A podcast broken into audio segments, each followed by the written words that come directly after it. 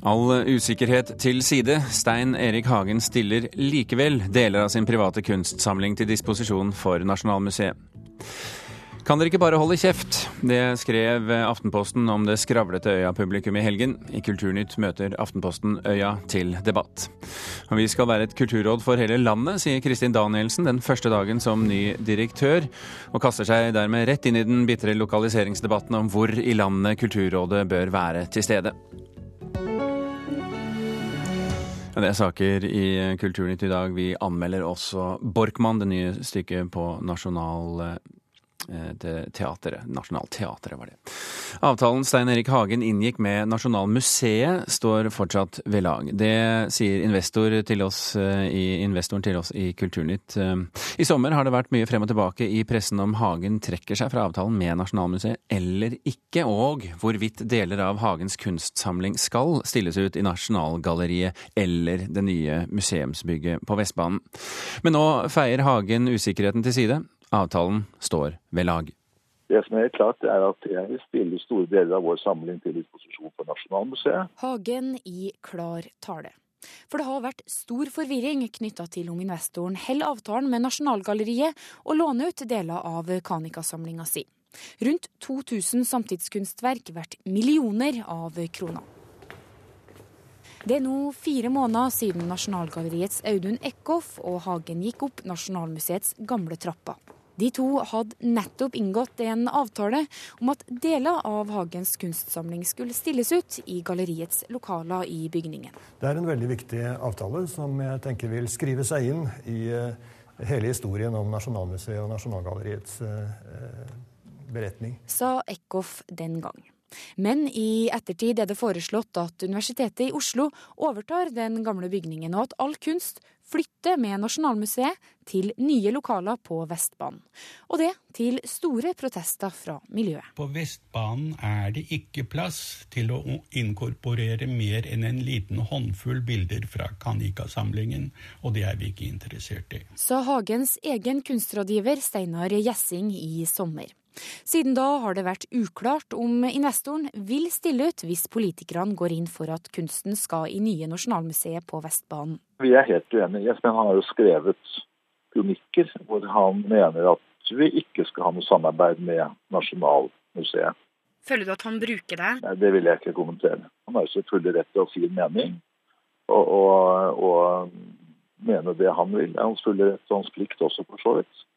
Men, men, jeg ønsker ikke å presse verken myndigheter eller andre brukerpress. Jeg har aldri vært tilhenger av utpressing og trusler. Og Derfor vil jeg på sterk avstand fra det, og derfor forholder jeg meg til det jeg har avtalt med Direktoratet, og det er at vi vil stille store deler av vår samling til disposisjon for Nasjonalmuseet. Utlånet er likevel satt på vent til det er klart hvor mange bilder galleriet vil stille ut innen da regjeringen og Stortinget har besluttet hva som skal se i Nasjonalgalleriet, så vet man ikke hvor, hvor, mye plass man har. Hvor mange malerier kan de da låne fra oss, eller som vi kan deponere. Og Da syns jeg at det er best å vente til man vet dette, slik at de vet hvor mange bilder ja, Steinar Gjessing har ikke svart på NRKs henvendelse her. Du hørte Steinerik Stein Erik Hagen til slutt her. Reporter, det var Marit Gjelland.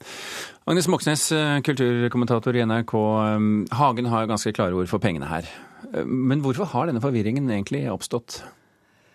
Um, forvirringen om hva, hvorfor og på hvilken måte han bruker samlingen sin til å presse politikerne til å gå for at Nasjonalgalleriet fortsatt skal ja, har de en avtale, eller har de ikke en avtale? Det har jo vært ja, altså, sommerens det, historie. Ja, altså vi, Det har jo vært en av de pussigste seansene vi har, har, sett. fordi at den ene dagen så inngås det en avtale, og så i to runder nå i løpet av sommeren så har vi fått beskjed om at uh, han bryter avtalen med, med Nasjonalmuseet om at de skal skal få lov til å disponere hans store og fine kunstsamling.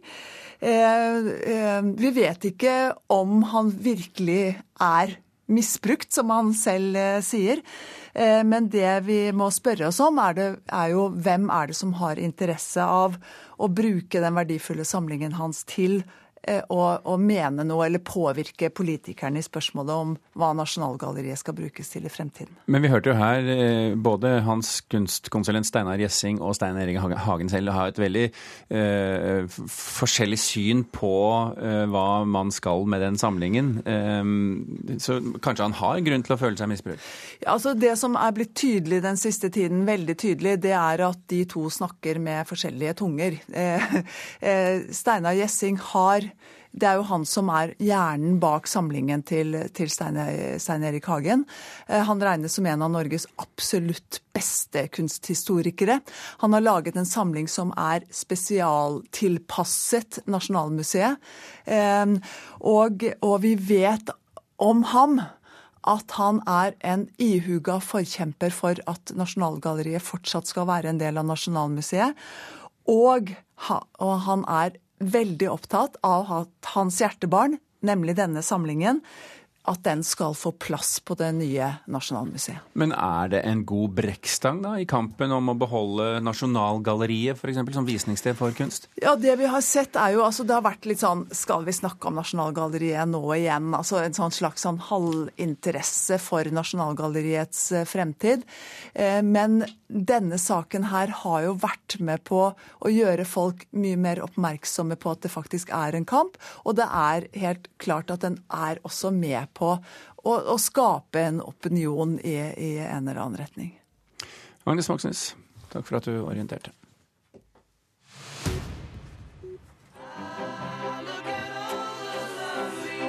Fint, Agnes.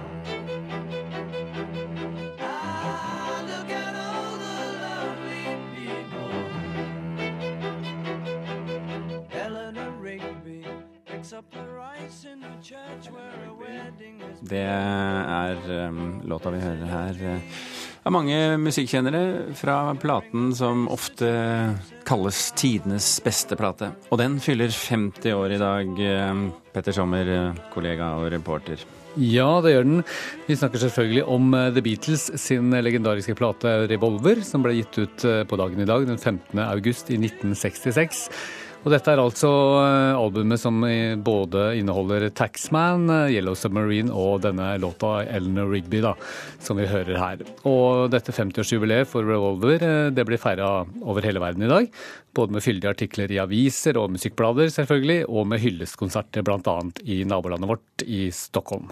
Skal vi hoppe til noe fullstendig annet i og for seg? I Vårt Land i dag så står det at forfattere sliter med å få betalt. Ja, eh, Norsk Forfattersentrum sier at eh, mange som vil leie inn forfattere, eller eh, ha inn forfattere til opples opplesninger og foredrag, ikke forstår at de må betale for det. Og avisa har snakket med forfatter Erika Fatland, som er en av disse forfatterne, som sier at eh, hun ofte får forespørsler om å stille gratis, og at hun da må forklare at hun både lever av å skrive og av å få betalt for å snakke om det. Mm. Et par av sakene det står om i avisene i dag. Eh, Petter Sommer, takk for at du orienterte.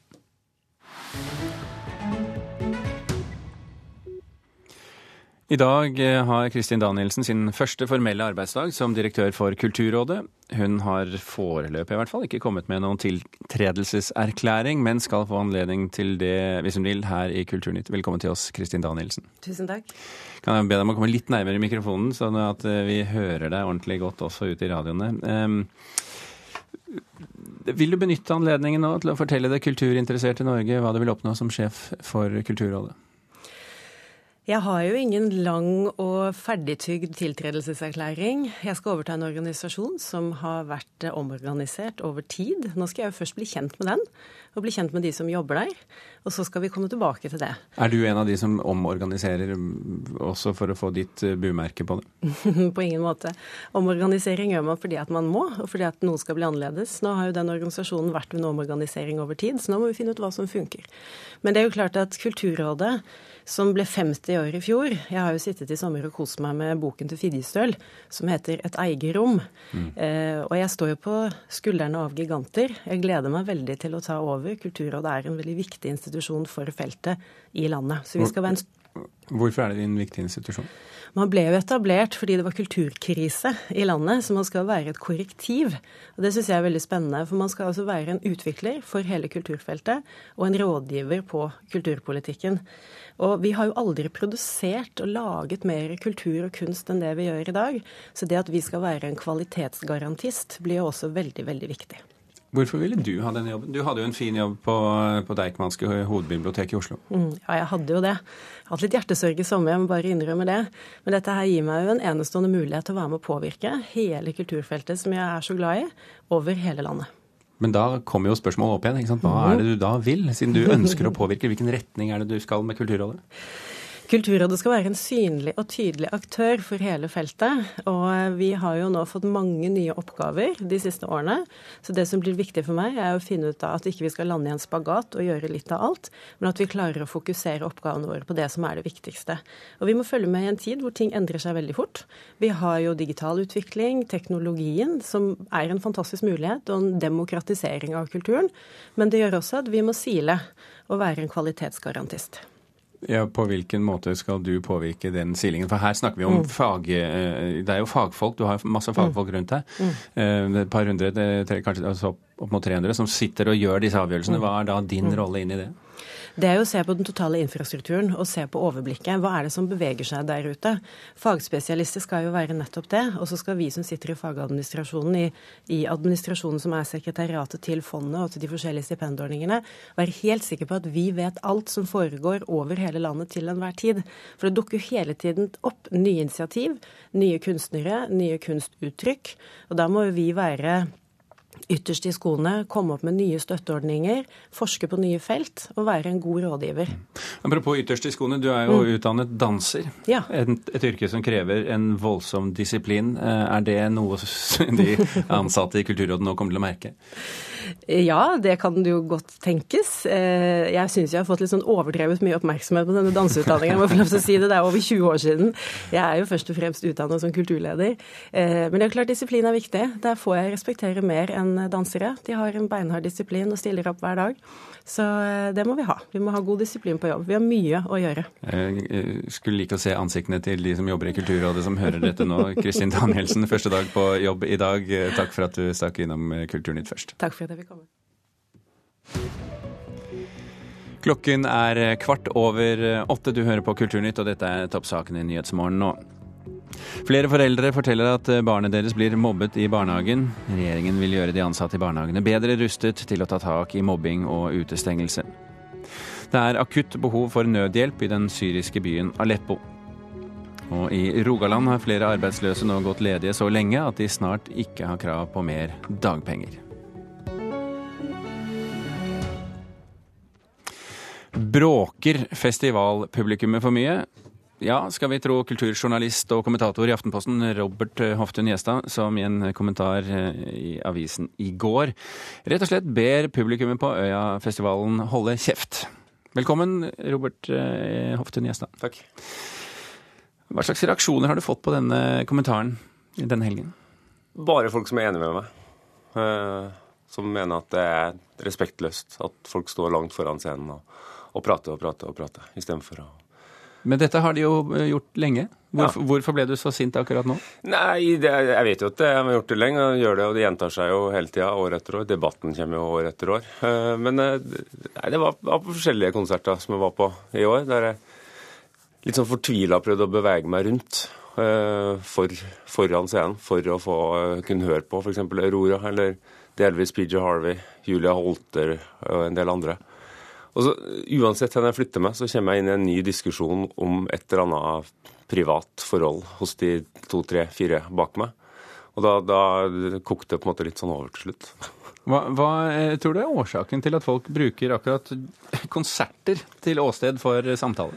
Altså, det er jo en del av det å være på festival det å uh, sitte sammen og prate sammen og spise mat og drikke øl og, og gjøre andre ting enn å høre på musikk, mens det liksom surrer litt sånn i, i bakgrunnen.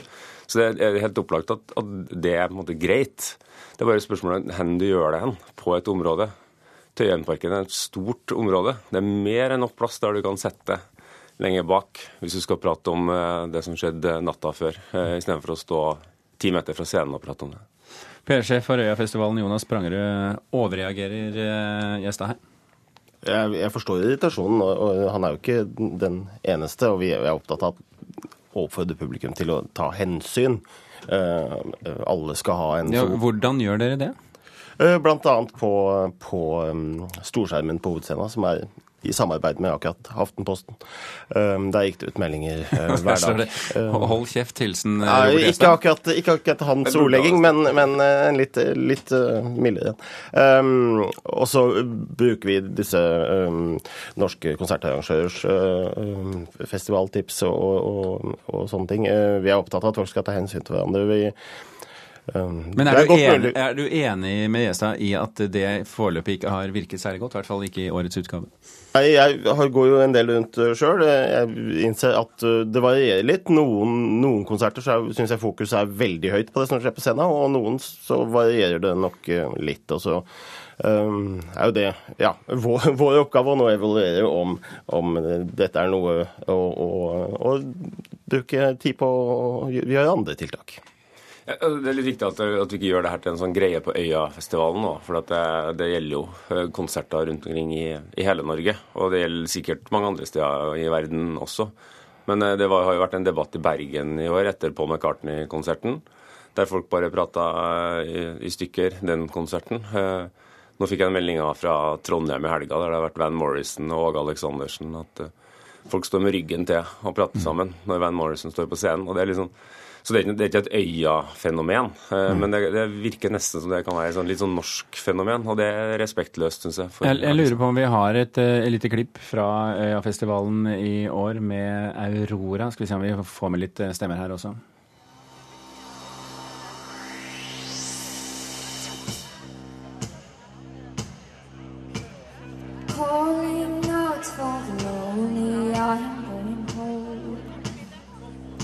I've been doing awful things again.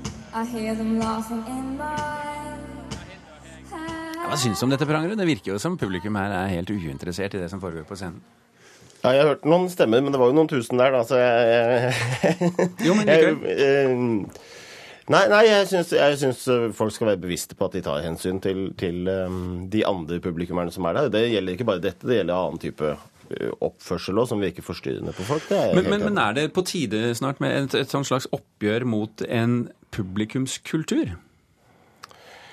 Um, som, som, Robert sa, så, så, har jeg opplevd skravling og forstyrring på, på innendørskonserter og for den saks skyld i Oslo gjennom eh, mange år. At, at, ulike konserter har litt ulik dynamikk i publikum. Um, um, det kan godt hende at det, at det, vil funke med en litt sånn strammere kommunikasjon ut mot publikum, men samtidig um, Festival er et stort, åpent område hvor, hvor, på en del konserter så vil det være en 50-50-deling mellom de som er veldig interessert og de som er litt interessert. Jo, men her snakker vi om rett foran scenen. Ja, og da, Der skulle man jo presumptivt tro at de interesserte sto.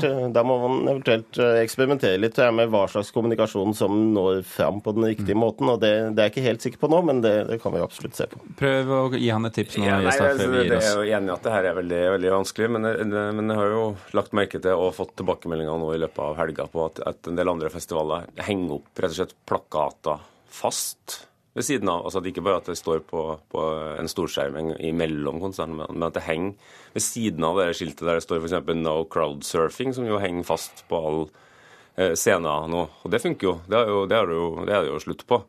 Eh, men det er jo litt sånn Hva er crowdsurfing? Ja, altså at du, at du, klatrer opp på publikum og glir rundt rett foran ja. scenen der. Men det, men det, altså artistene, mener du? Nei, ja, ikke artistene. Dem får jo lov til å holde med, men publikum, da. Men eh, det er klart, gjør du det, så blir du jo kasta ut. Sånn så det er jo litt drøyt at du skal begynne å gå rundt og så plukke ut folk og, og kaste dem ut. Men, men, det er jo liksom en hva het det før i tida? En god gammeldags holdningskampanje, da, rett og slett. Altså bare fortell folk hele tida at, at, det er rett og slett ikke greit. Ikke for oss andre som har lyst til å høre på, og i hvert fall ikke for Aurora, som du hører på scenen her, da. Hun, hun, får jo med seg det som skjer. Hun ser at folk står og kakler. Det, det, det ødelegger jo hennes Hun er på jobb, liksom. Det ødelegger jo hennes opptreden. Da har vi bidratt i hvert fall til vår bit av holdningskampanjen i denne omgang. Jonas Prangre og Robert Oftun Gjestad, takk for at dere kom til Kulturnytt.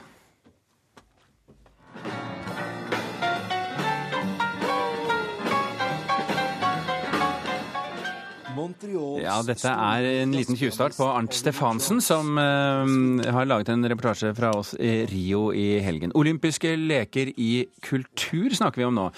Og det er helt riktig, kulturlivet skal nå få sitt eget OL. Og de første lekene skal avvikles om to år i Montreal i Canada. Ideen og arrangementet ble presentert for mediene under OL i Rio nå i helgen, og skal konkurreres i fem ulike kulturer. Nå var riktignok kunst en del av OL fra 1912 eh, til 1948, men nå skal altså arven tas opp igjen.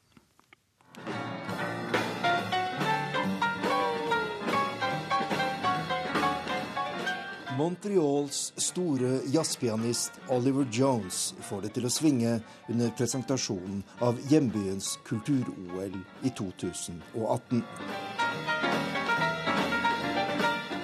Oliver Jones er elev av sitt berømte bysbarn Oscar Peterson, og den avdøde jazzlegenden skal ha vært den som fødte ideen om et OL i kultur.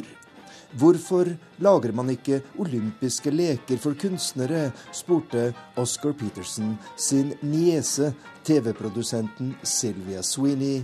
Og etter mange års forberedelser er nå prosjektet sjøsatt under navnet Arts Games, og med Sweeney som president. What we're doing is trying to structure the same type of benefits for artists that athletes enjoy today. Det vi prøver, er å skaffe kunstnerne de samme muligheter som idrettsfolk har i dag. Vi synes at kunstnerne har så mye å gi denne planeten at de fortjener en global plattform. Vår jobb er å gi dem denne plattformen, og vi mener at et OL i kultur er den beste måten å skaffe penger og oppmerksomhet på, sier grunnlegger og president Sylvia Sweeney i Arts Games. De gjeveste premiene er, som i et vanlig OL, gull, sølv og bronse. Og det skal konkurreres i fem ulike kulturformer. Dance. Dans og bildende kunst er to av kategoriene. Music. Og de tre andre er musikk, litteratur og såkalt mediekunst, som inkluderer video og fotokunst. Arts Games opplyser at det er etablert kontakt med arrangører i 196 land, og at disse arrangørene vil invitere kunstnere til å delta i konkurranser med sikte på å kvalifisere seg til OL i Canada om to år.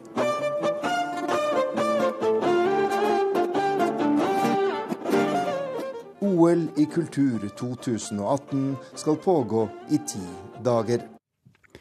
Det var altså Arnt Stefansen som hadde laget denne reportasjen for oss. Jon Gabriel Borkmann, Ibsens banksjef som ble fengslet for eh, svindel, han er tilbake ved Nationaltheatret. Jeg vil ha en gård hvor jeg kan ha mine egne dyr. Kuer, griser, kaniner, geiter, sauer, hester. Jeg vil ha marsvin. Jeg vil ha jord som jeg kan dyrke min egen mat på. Poteter, gulrøtter, kålrot, blomkål. Tomater!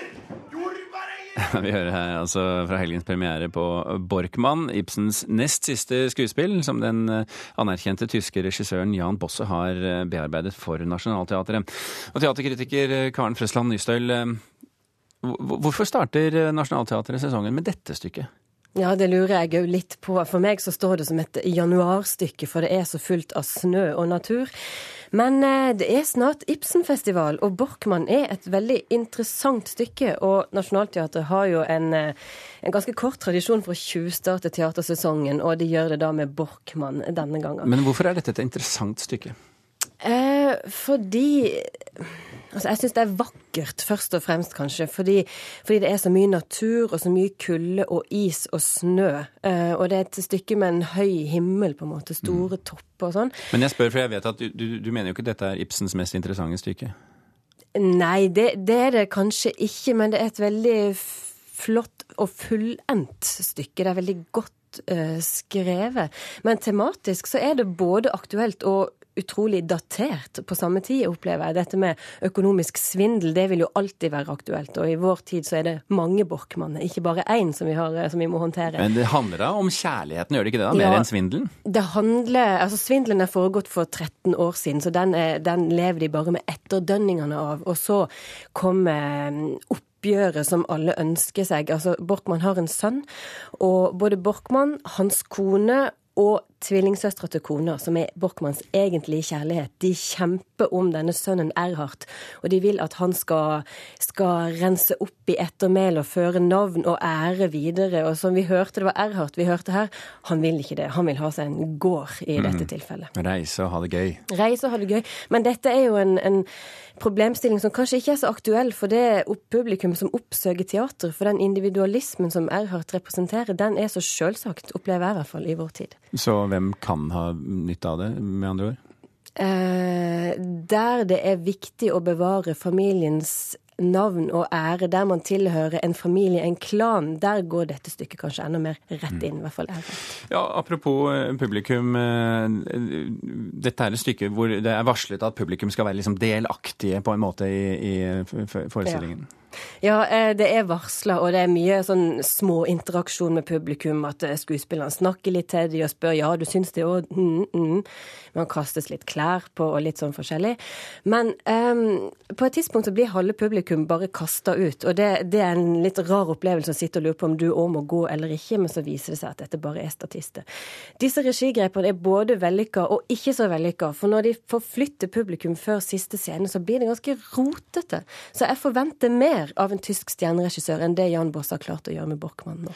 Men er det et stykke som du tror eh, publikum kommer til å valfarte til? Det er veldig morsomt, og det er veldig godt spilt. Skuespillerne er jo, er jo monsterutgaver av de følelsene de bærer på. Så det, skuespillermessig er det veldig godt, men regien syns jeg, jeg, jeg kan forvente mer, rett og slett. Kanskje Karen Frøsland Nystøl, takk for at du anmeldte Borkmann her for Kulturnytt. Kulturnytt er eh, slutt. Lisa Stokke og Birger Kolsrud Aasund takker for følget.